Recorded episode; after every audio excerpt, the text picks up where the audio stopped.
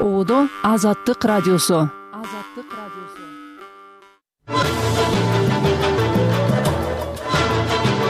саламатсызбы угарман. Азаттыктын ишембидеги кечки радио берүүлөрүн баштайбыз. Микрофондо түмөнбай абдинабиулу берүүнүн жүрүшүнөн кыскача. Орусияда абакта каза болгон оппозиционер навальныйдын дүйнөнүн ар кайсы аймагында эскерип жатышат. Путиндин режимине каршы күрөшкөн навальныйдын бейнесине кайрылмакчыбыз кремлдин келишкис сынчысы алексей навальный орус оппозициясынын эң көрүнүктүү өкүлү эле. Бул кылмыштуу согуш кылмыштуу агрессиялык согуш күндөн күнгө тереңдеп баратканы азыр түшүнүктүү болуп калды.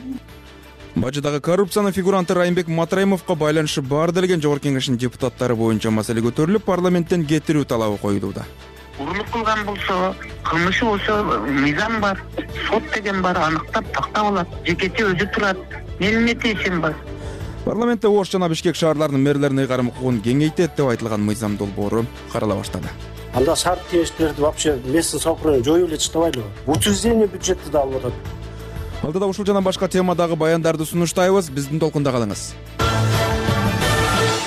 Адегенде дүйнөдөгү жана кыргызстандагы соңку жаңылыктарды санжар эралиевден уксак саламатсызбы? Кремлдин сынчысы алексей навальныйдын басма сөз катчысы кира ярмыш анын өлүмүн тастыктады. Алексей навальный өлтүрүлгөн ал он алтынчы февралда жергиликтүү убакыт боюнча саат он төрт он жетиде үзүлгөн бул тууралуу алексейдин апасына берилген расмий билдирүүдө жазылган. Колониянын кызматкери навальныйдын сөөгү салехардта экенин билдирди деп жазды ал x социалдык тармагына.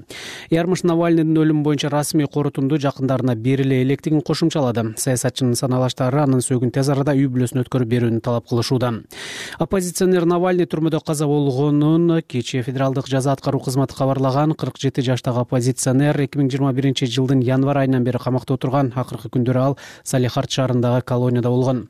Ишемде таңкамал оппозиция лидеринин апасы людмила навальная салехардка учуп барганы белгилүү болду.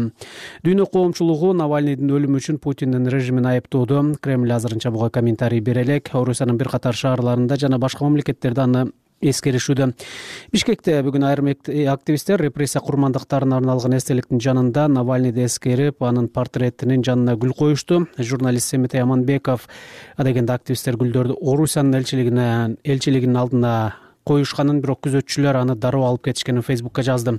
Элчиликтен азырынча маалыматты тактай алган жокпуз ишембиге караган түнү украина армиясы донецк облусунун авдеевка шаарынан чыгып кетти. Бул тууралуу украиналык таврия аскерлер тобунун командири александр тарнавский билдирди.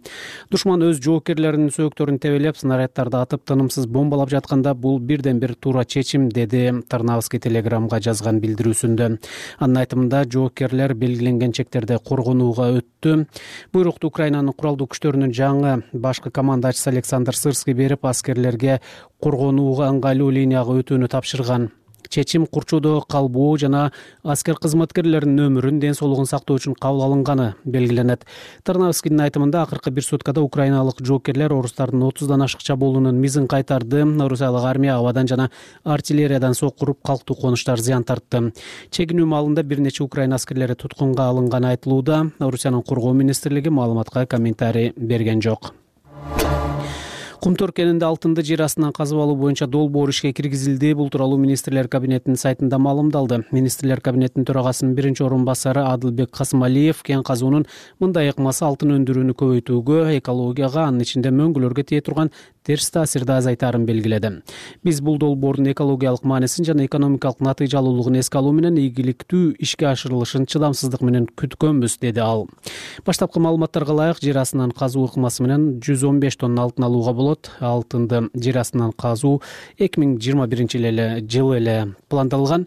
Расмий маалыматка ылайык былтыр тогуз айда кенден он төрт тонна алтын өндүрүлгөн. Кыргызстан кенди иштетүүдөн жыйырма миллиард төрт жүз сексен тогуз миллион сом тапкан алмазбек примов мамлекеттик мүлктү башкаруу агенттигинин директору болуп дайындалды. Тиешелүү буйрукка президент кол койгону расмий кабарланды. Экономика жана коммерция министрлигинин мамлекеттик мүлктү башкаруу фонду былтыр министрлер кабинетине караштуу мамлекеттик мүлктү башкаруу боюнча мамлекеттик агенттик болуп кайра түзүлгөн ишкана фонд болуп турган кезде аны мурдагы депутат мирлан бакиров башкарып былтыр февралда анын ордуна канатбек тургунбеков дайындалган. Ал учурда дайындоолорду министрлер кабинетинин төрагасы жүргүзөт эле калкты каттоо департаментинин кара суу районундагы жаранды кабалдын актыларын каттоо калкты паспорттоштуруу бөлүмүнүн кызматкери мыйзамсыз акча чогултуу фактысына шек саналууда. Улуттук коопсуздук мамлекеттик комитети билдиргендей ага кылмыш жаза кодексинин кызмат абалынан кыянаттык менен пайдалануу беренесинин негизинде айып тагылды атайын кызмат шектүүнүн бир канча жарандан акча алып жаткан учуру жазылган видео көзөмөл тасмасын жарыялады. Бул кылмышка шектүү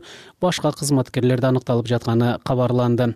Жаранды кабалдын актыларын каттоо бөлүмү санариптик өнүктүрүү министрлигине караштуу калкты каттоо департаментинин курамына кирет. Аталган мекеме азырынча буга комментарий бере элек transparency international эл аралык уюму дүйнөнүн жүз сексен өлкөсүндөгү коррупциянын индексин былтыр жарыялаган. Анда кыргызстан жүз кырк биринчи орунду ээлеген кыргыз бийлиги былтыр ноябрда өлкөдөгү коррупциянын тамырын токсон пайызга кыркып саясий жемкорлукту жоюгонун билдирген эле ишемби күнкү кардан улам кечиресиздер жума күнкү кардан улам кыргызстандын бир катар тоолуу жолдорунда каттама убактылуу токтотулду. Бул тууралуу өзгөчө кырдаалдар министрлиги кабарлады. Адистер мүмкүн болсо алыс жолго чыкпай турууну туруксуз аба ырайы дагы эки күн уланышы мүмкүндүгүн эскертүүдө. Бишкек шаарына дээрлик кечээ күн бою жана кечинде кар жаап тийиштүү кызматтар жолдорду тынымсыз тазалаганын мэриянын басма сөз кызматы билдирди.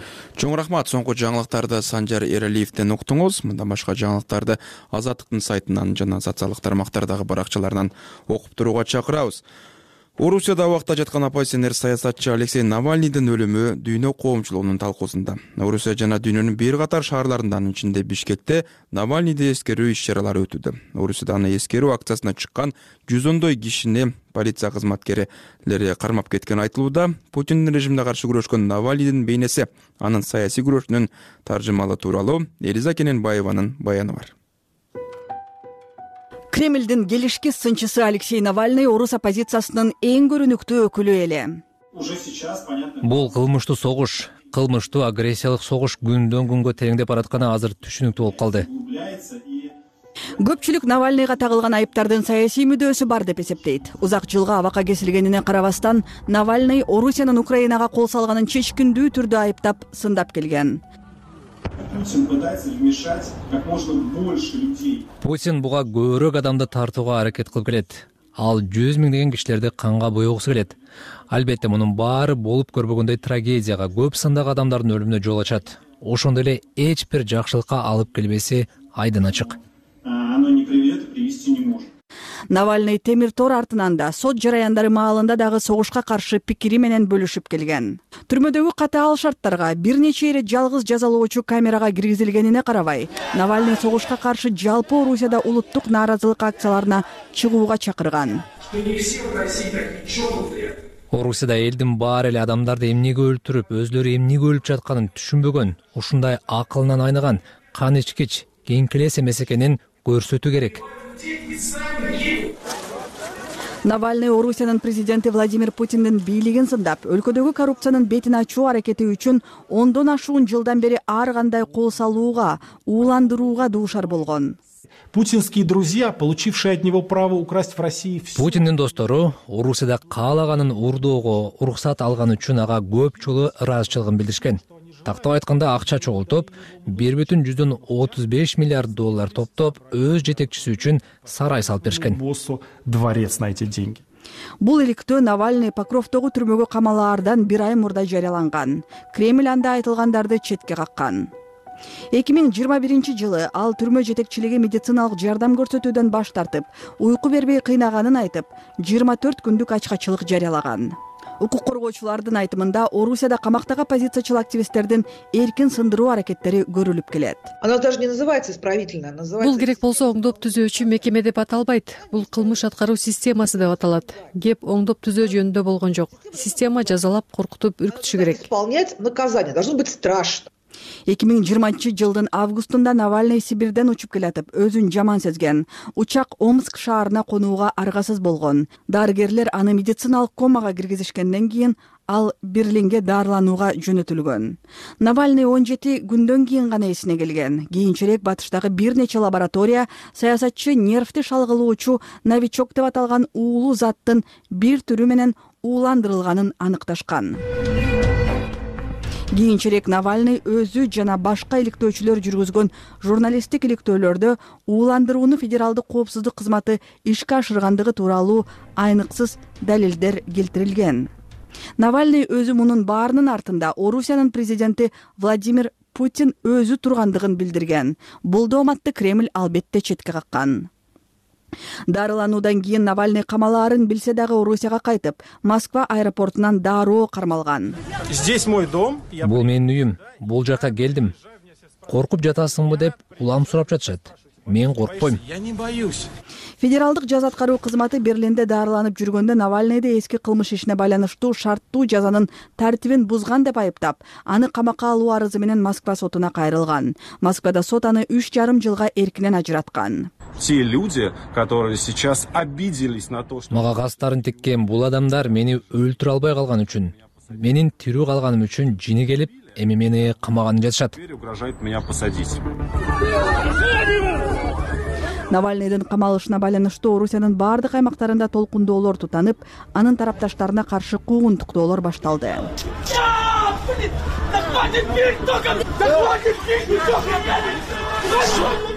навальныйды жактап чыккан миңдеген кишилер кармалган. Оппозициячыл саясатчынын ишине байланыштуу акш евро биримдик жана канада орусияга бир катар санкцияларды салган.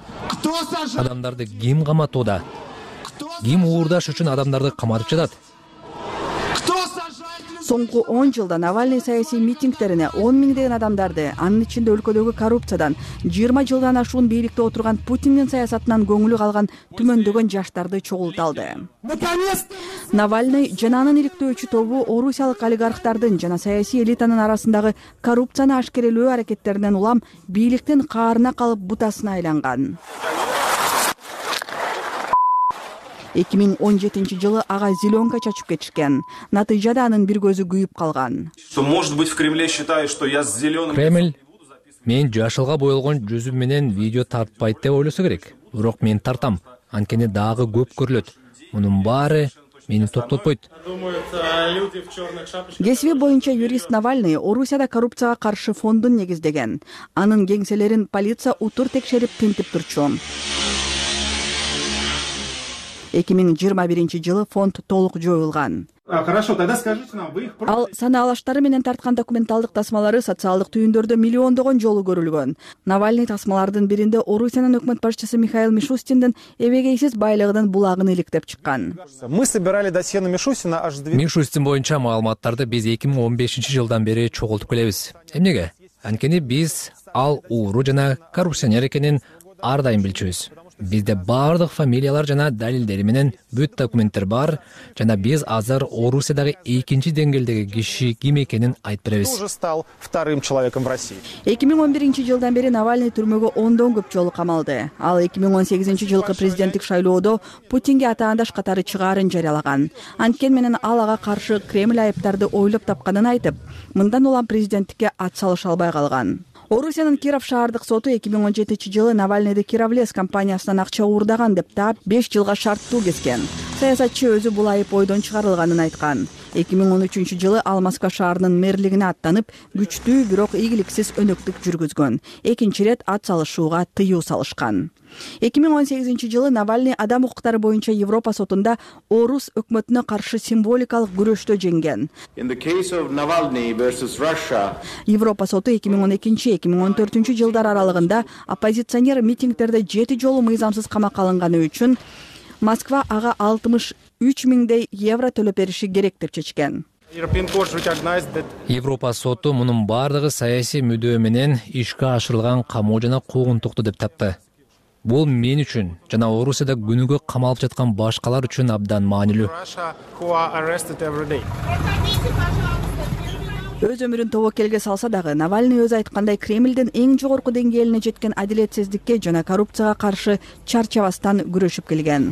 Алексей навальныйдын артында аялы юлия уулу захар жана кызы дарья калды. Элиза кененбаева бексултан абубакир уулу азаттык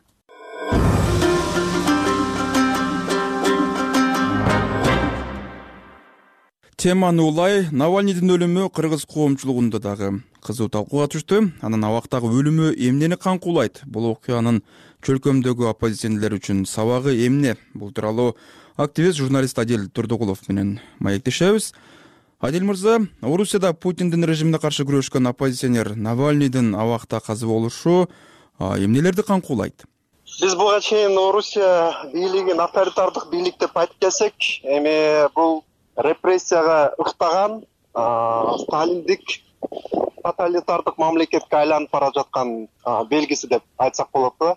Анткени тоталитардык бийликтин эң башкы белгиси бул өз оппоненттерин жок кылуу өлтүрүү болуп да эсептелинет. Эми буга чейин да болуп келген өлтүрүүлөр. Бирок бул жерде ачыктан ачык ошол бийликтин оппонентин жок кылуу аракети бир нече жолу болгон ал ошол чыныгы путинге тең ата мындай бийликти талашкан жападан жалгыз бир оппонент болгон деп эсептейм да саясий. Ошондуктан ошол коркунучту жок кылуу аракети менен навальныйды да жок кылышты. Бул саясий процесстердин эпкени таасири кыргызстанга ошол эле борбор азияга кандай болот? Эми кыргызстан өзү демократия аралчасы деп айтылып келбеди. Беле бул терминдин өзү киргизилиши бул аймакта көбүн эсе тоталитардык авторитардык мамлекеттер басымдуу болуп жатканын айгинелейт да. Биз ошол геосаясий абалдан да чыга албай ошол мамлекеттердин дагы саясий системасын туурап жатканын биз баарыбыз көрүп жатабыз. Азыркы саясий тазалоолор болуп жатканы дагы биздин бийлик дагы ошол репрессия ыктаган себеби да ошондо. Эми ошол орусиянын таасири бизге өзгөчө ээ да. Анткени көбүн эсе биз дүйнөдө болуп жаткан окуяларды керек болсо ошол борбор азия болуп жаткан окуяларды дагы да орус тилинде кабыл алабыз ошондуктан ал жерде болуп жаткан саясий процесстер биз үчүн абдан мындай маанилүү. Жалпысынан айтканда эгерде орусияда демократия болсо анда кыргызстанда да демократия жана борбор азия мамлекеттеринде да демократиянын өрчүшү өрчүшүнө мындай жол ачылат деп терең ишенем. Ошондуктан биздин Э, биз дагы саясатчылар дагы журналисттер дагы ошол орусиянын тажрыйбасына биз абдан көп көңүл бурабыз. Ошондуктан бизге дагы мындай үмүт өчкөндөй болуп жатат да. Анткени биз да күтүп жатканбыз. Ошол демократиялык реформалар болуп э, навальный буга чейин немцовдор бийликке келсе э, орусия ошол европалык баалуулуктарын өзүнө сиңирип демократияга чыныгы демократияга багыт алса анда бизде дагы ошондой таасирлер күчөйт деп Э, ойлоп келгенбиз. Навальныйдин өзүнө кайрылсак анын саясий күрөшүн ишмердиги э, эмнеси менен маанилүү деп ойлойсуз? Ошол эле учурда кыргыз коомуна анын өмүрү бир гана ошол саясатчыларга кызыктуу болбошу керек да. Анткени мисалы ошол журналисттик иликтөөлөрдү коррупция менен күрөшүүнүн ыкмаларын э, ошол тажрыйбаны биз үчүн журналисттер үчүн дагы иликтөөчүлөр абдан пайдалуу керек болсо ал жасаган иликтөөлөр э, журналисттик иликтөөлөр модага айланганы жалпы ошол э, орусиядагы башка мамлекеттерде кыргызстандагы өрчүшү ошол навальный менен э, байланыштырыш керек да. Анткени ал бул иликтөөлөрдү тиги эки миңинчи жылдын башынан баштап ошол мамлекеттик сатып алуулардан баштаган да. Анткени ошол жерде да коррупциянын чордону анан ошого модага айлантып азыр ошол коррупция эң башкы э, көйгөй маселе экени орусияда өздөрү түшүндүрүп атышат. Анан бизге дагы коррупция эң башкы мындай көйгөй экенин дагы билгенибиз. Ошол навальныйдын дагы эмгегине э, жараша болгон да. Адил мырза маегиңиз үчүн чоң рахмат. Урматтуу угарман сиз орусияда абакта каза болгон оппозициялык саясатчы алексей навальныйдын өлүмү тууралуу кыргызстандык активист журналист адил турдукуловдун азаттыкка берген маегин уктуңуз. Уктуруубузду эми учкай жаңылыктар менен уланталы. Кремлдин сынчысы алексей навальныйдын басма сөз катчысы анын өлүмүн тастыктады. Ишембиге караган түнү украина армиясы донецк облусунун авдеевка шаарынан чыгып кетти. Кум тергенинде алтынды жер астынан казып алуу боюнча долбоор ишке киргизилди кылмыш иши козголуп издөө жарыяланган мурдагы бажычы райымбек матраимовго байланышы бар делген жогорку кеңештин айрым депутаттары боюнча маселе көтөрүлүп парламенттен кетирүү талабы айтыла баштады. Мындай пикирди бийликке жакын делген телеканал таратып социалдык тармактарда маалыматтык компаниялар жүрүп жатат. Негизи издөөгө алынган матраимовдун тарапташтары парламентте көп экени айтылып алардан арылуу керектиги көтөрүлүп жүрөт. Бирок саясат талдоочулар мандат алуунун артында башка оюндар бар болушу мүмкүн дешет теманы айбек бийбосунов улантат. Жогорку кеңештин депутаты мурдагы бажычы абдыохап боронбаев он төртүнчү февралда мандатын тапшыргандан кийин райымбек матраимовго байланышы бар делген башка эле өкүлдөр боюнча маселе көтөрүлүп өзгөчө төрт беш депутаттын ысымы ачык айтыла баштады. он бешинчи февралда укмкнын төрагасы камчыбек ташиевке жакын делген регион телеканалында искендер матраимов надира нарматова айбек осмонов шайлообек атазов жана нурлан ражабалиев мандатын тапшырышы керек деген өңүттөгү бир нече материал жарыяланды анда пикирин билдирген эксперт саясат талдоочулар мафия аталып издөөгө алынган адамдын жакындары парламентте отурбаш керек деген жүйө келтиришкен. Алардын бири издөөгө алынган мурдагы бажычынын агасы депутат искендер матраимов азаттыкка мындай деп жооп берди. Анан кечээки сүйлөшкөн сүйлөгөндөрдү көрдүм. Бирөөсү агасы дейт бирөөсү иниси дейт. Ага инеге жооп бербейт. Эми балага дегенде эле ага инеге жооп ысымы аталып жаткан депутаттардын бири надира нарматова парламентке ата журт кыргызстан партиясы менен шайланып келген ал чет элдик өкүл деген ат менен таанылган талаштуу коммерциялык эмес уюмдар жөнүндө мыйзам долбоорунун автору нарматова райымбек матраимовду мыкты адам катары сүрөттөп аны каралоонун айынан кара суу мадина дордой базарында соода болбой калганын айткан эки миң жыйырманчы жылдагы шайлоодо матраимов түзгөн мекеним кыргызстан партиясын сүрөгөн өзүмдүн пикирим жеке пикиримди айткан анан менин бизнес менен ишим бар дүйнөсү менен ишим бар урурлук кылган болсо кылмышы болсо мыйзам бар сот деген бар аныктап тактап алат. Жекече өзү турат менин эмнете ишим бар? Надира нарматова матраимовдун маек учурунда мактаса шайлообек атазов аны колдоо митингдерине катышып жогорку кеңештен да таламын талашып жүргөн ал жогорку кеңешке келгенге чейин матраимовдорго таандык эрем спорт клубунун жетекчиси болчу. Укмкнын төрагасы камчыбек ташиев көлбаев матраимов байланышын мафия деп атагандан кийин депутат шайлообек атазовдун тарапташтары делген бир нече адам күч органдарына суракка чакыртылган. Анын экөө шайлоочулардын добуштарын сатып алуу беренеси менен күнөөлүү деп табылып жүз миң сом айыпка жыгылган. Былтыр ноябрь айында атазов өзү да укмкга кирип суроолорго жооп берип чыккан. Соңку окуялар боюнча атазовдун жообу мындай болду. Менин мандатымды элдер шайлаган элдер чечет да. Маселе жок бизде. Мандатын тапшырсын делген депутаттардын дагы бири нурлан ражабалиев эки миң жыйырма биринчи жылы жыйырма сегизинчи ноябрдагы баткен бир мандаттуу шайлоо округунан жеңүүчү деп табылган. Бирок шайлоого он бир ай калганда тагыраагы эки миң жыйырма биринчи жылы жыйырма жетинчи январда коррупция беренеси боюнча соттолгон эле. Тергөөнүн маалыматында бажы кызматынын төрагасынын мурдагы орун басары райымбек матраимов ош бажысынын мурдагы жетекчиси нурлан ражабалиев жана түштүк чыгыш бажысынын мурдагы жетекчиси абдывахап боронбаев коррупциялык схема түзүп кыргызстан аркылуу тажикстан менен өзбекстанга өтө турган ар бир машинеден акча алып турганы айтылган ал эми айбек осмонов болсо эки миң жыйырма үчүнчү жылы жыйырма жетинчи августтагы муфтияттын имаратынын ачылышында райымбек матраимовду коштоп барып анын жанында отурган. Ал иш чарага айбек осмоновдон тышкары депутаттар марлен маматалиев алишер козуев таалайбек масабиров шайлообек атазов жана нурлан ражабалиев матраимовду жандап жүргөн. Айбек осмонов менен матраимовдордун байланышы мурдадан эле айтылып жүрөт. Осмоновдун аты мекеним кыргызстан партиясынын негиздөөчүсү катары аталган. Кийинчерээк бул партияны бажы кызматынын төрагасынын мурдагы орун басары райымбек матраимовго өткөнү маалым. Жарандык активист мукай керимбаев кайсыл депутаттар райымбек матраимов менен мамиледе болгонун эл жакшы билерин айтат? Кимдерди акча берип депутат кылган кимдерди баягы каржылаган эми акыбыз менен иликтенип эми бул депутаттык деген мындай да бул эл шайлайт экен да кызматтан алып кое албайт эч ким эгерде өздөрүнүн чыныгы эле моралдык жоопкерчилигин сезген сезсе мен ойлойм өздөрү кетип калганы андан жакшыбы балким өздөрүнө аброй алып келеби мындан кийинкисине өткөн аптада укмк райымбек матраимовдун отуз төрт миллион сегиз жүз он миң беш жүз долларлык кыймылсыз мүлкү мамлекеттин менчигине өткөнүн билдирген анын ичинде бишкек менен ош шаарларындагы кымбат үйлөр коммерциялык имараттар чүй жана ош облусундагы эки бажылык каттоо жери көрсөтүлгөн ош облусунун кара суу районунда райымбек матраимовго тиешелүү делген жыйырма алты кыймылсыз мүлк камакка коюлганы белгилүү болгон. Укмкнын төрагасы камчыбек ташиев матраимов көлбаев байланышы боюнча мындай деген. Мындан ары мамлекетте көлбаев деген мафия болбойт. Мындан ары мамлекетте райым матраимов деген мафия болбойт. Райым матраимов мындан ары мамлекетте жүрө турган болсо кичинекей гана бир э, матиз машинени минип алып жүрүш керек январь айында улуттук коопсуздук боюнча мамлекеттик комитет райымбек матраимовго издөө жарыялап милиция кызматкерлерине ал тууралуу багыттама берген. Айбек бийбосунов азаттык бишкек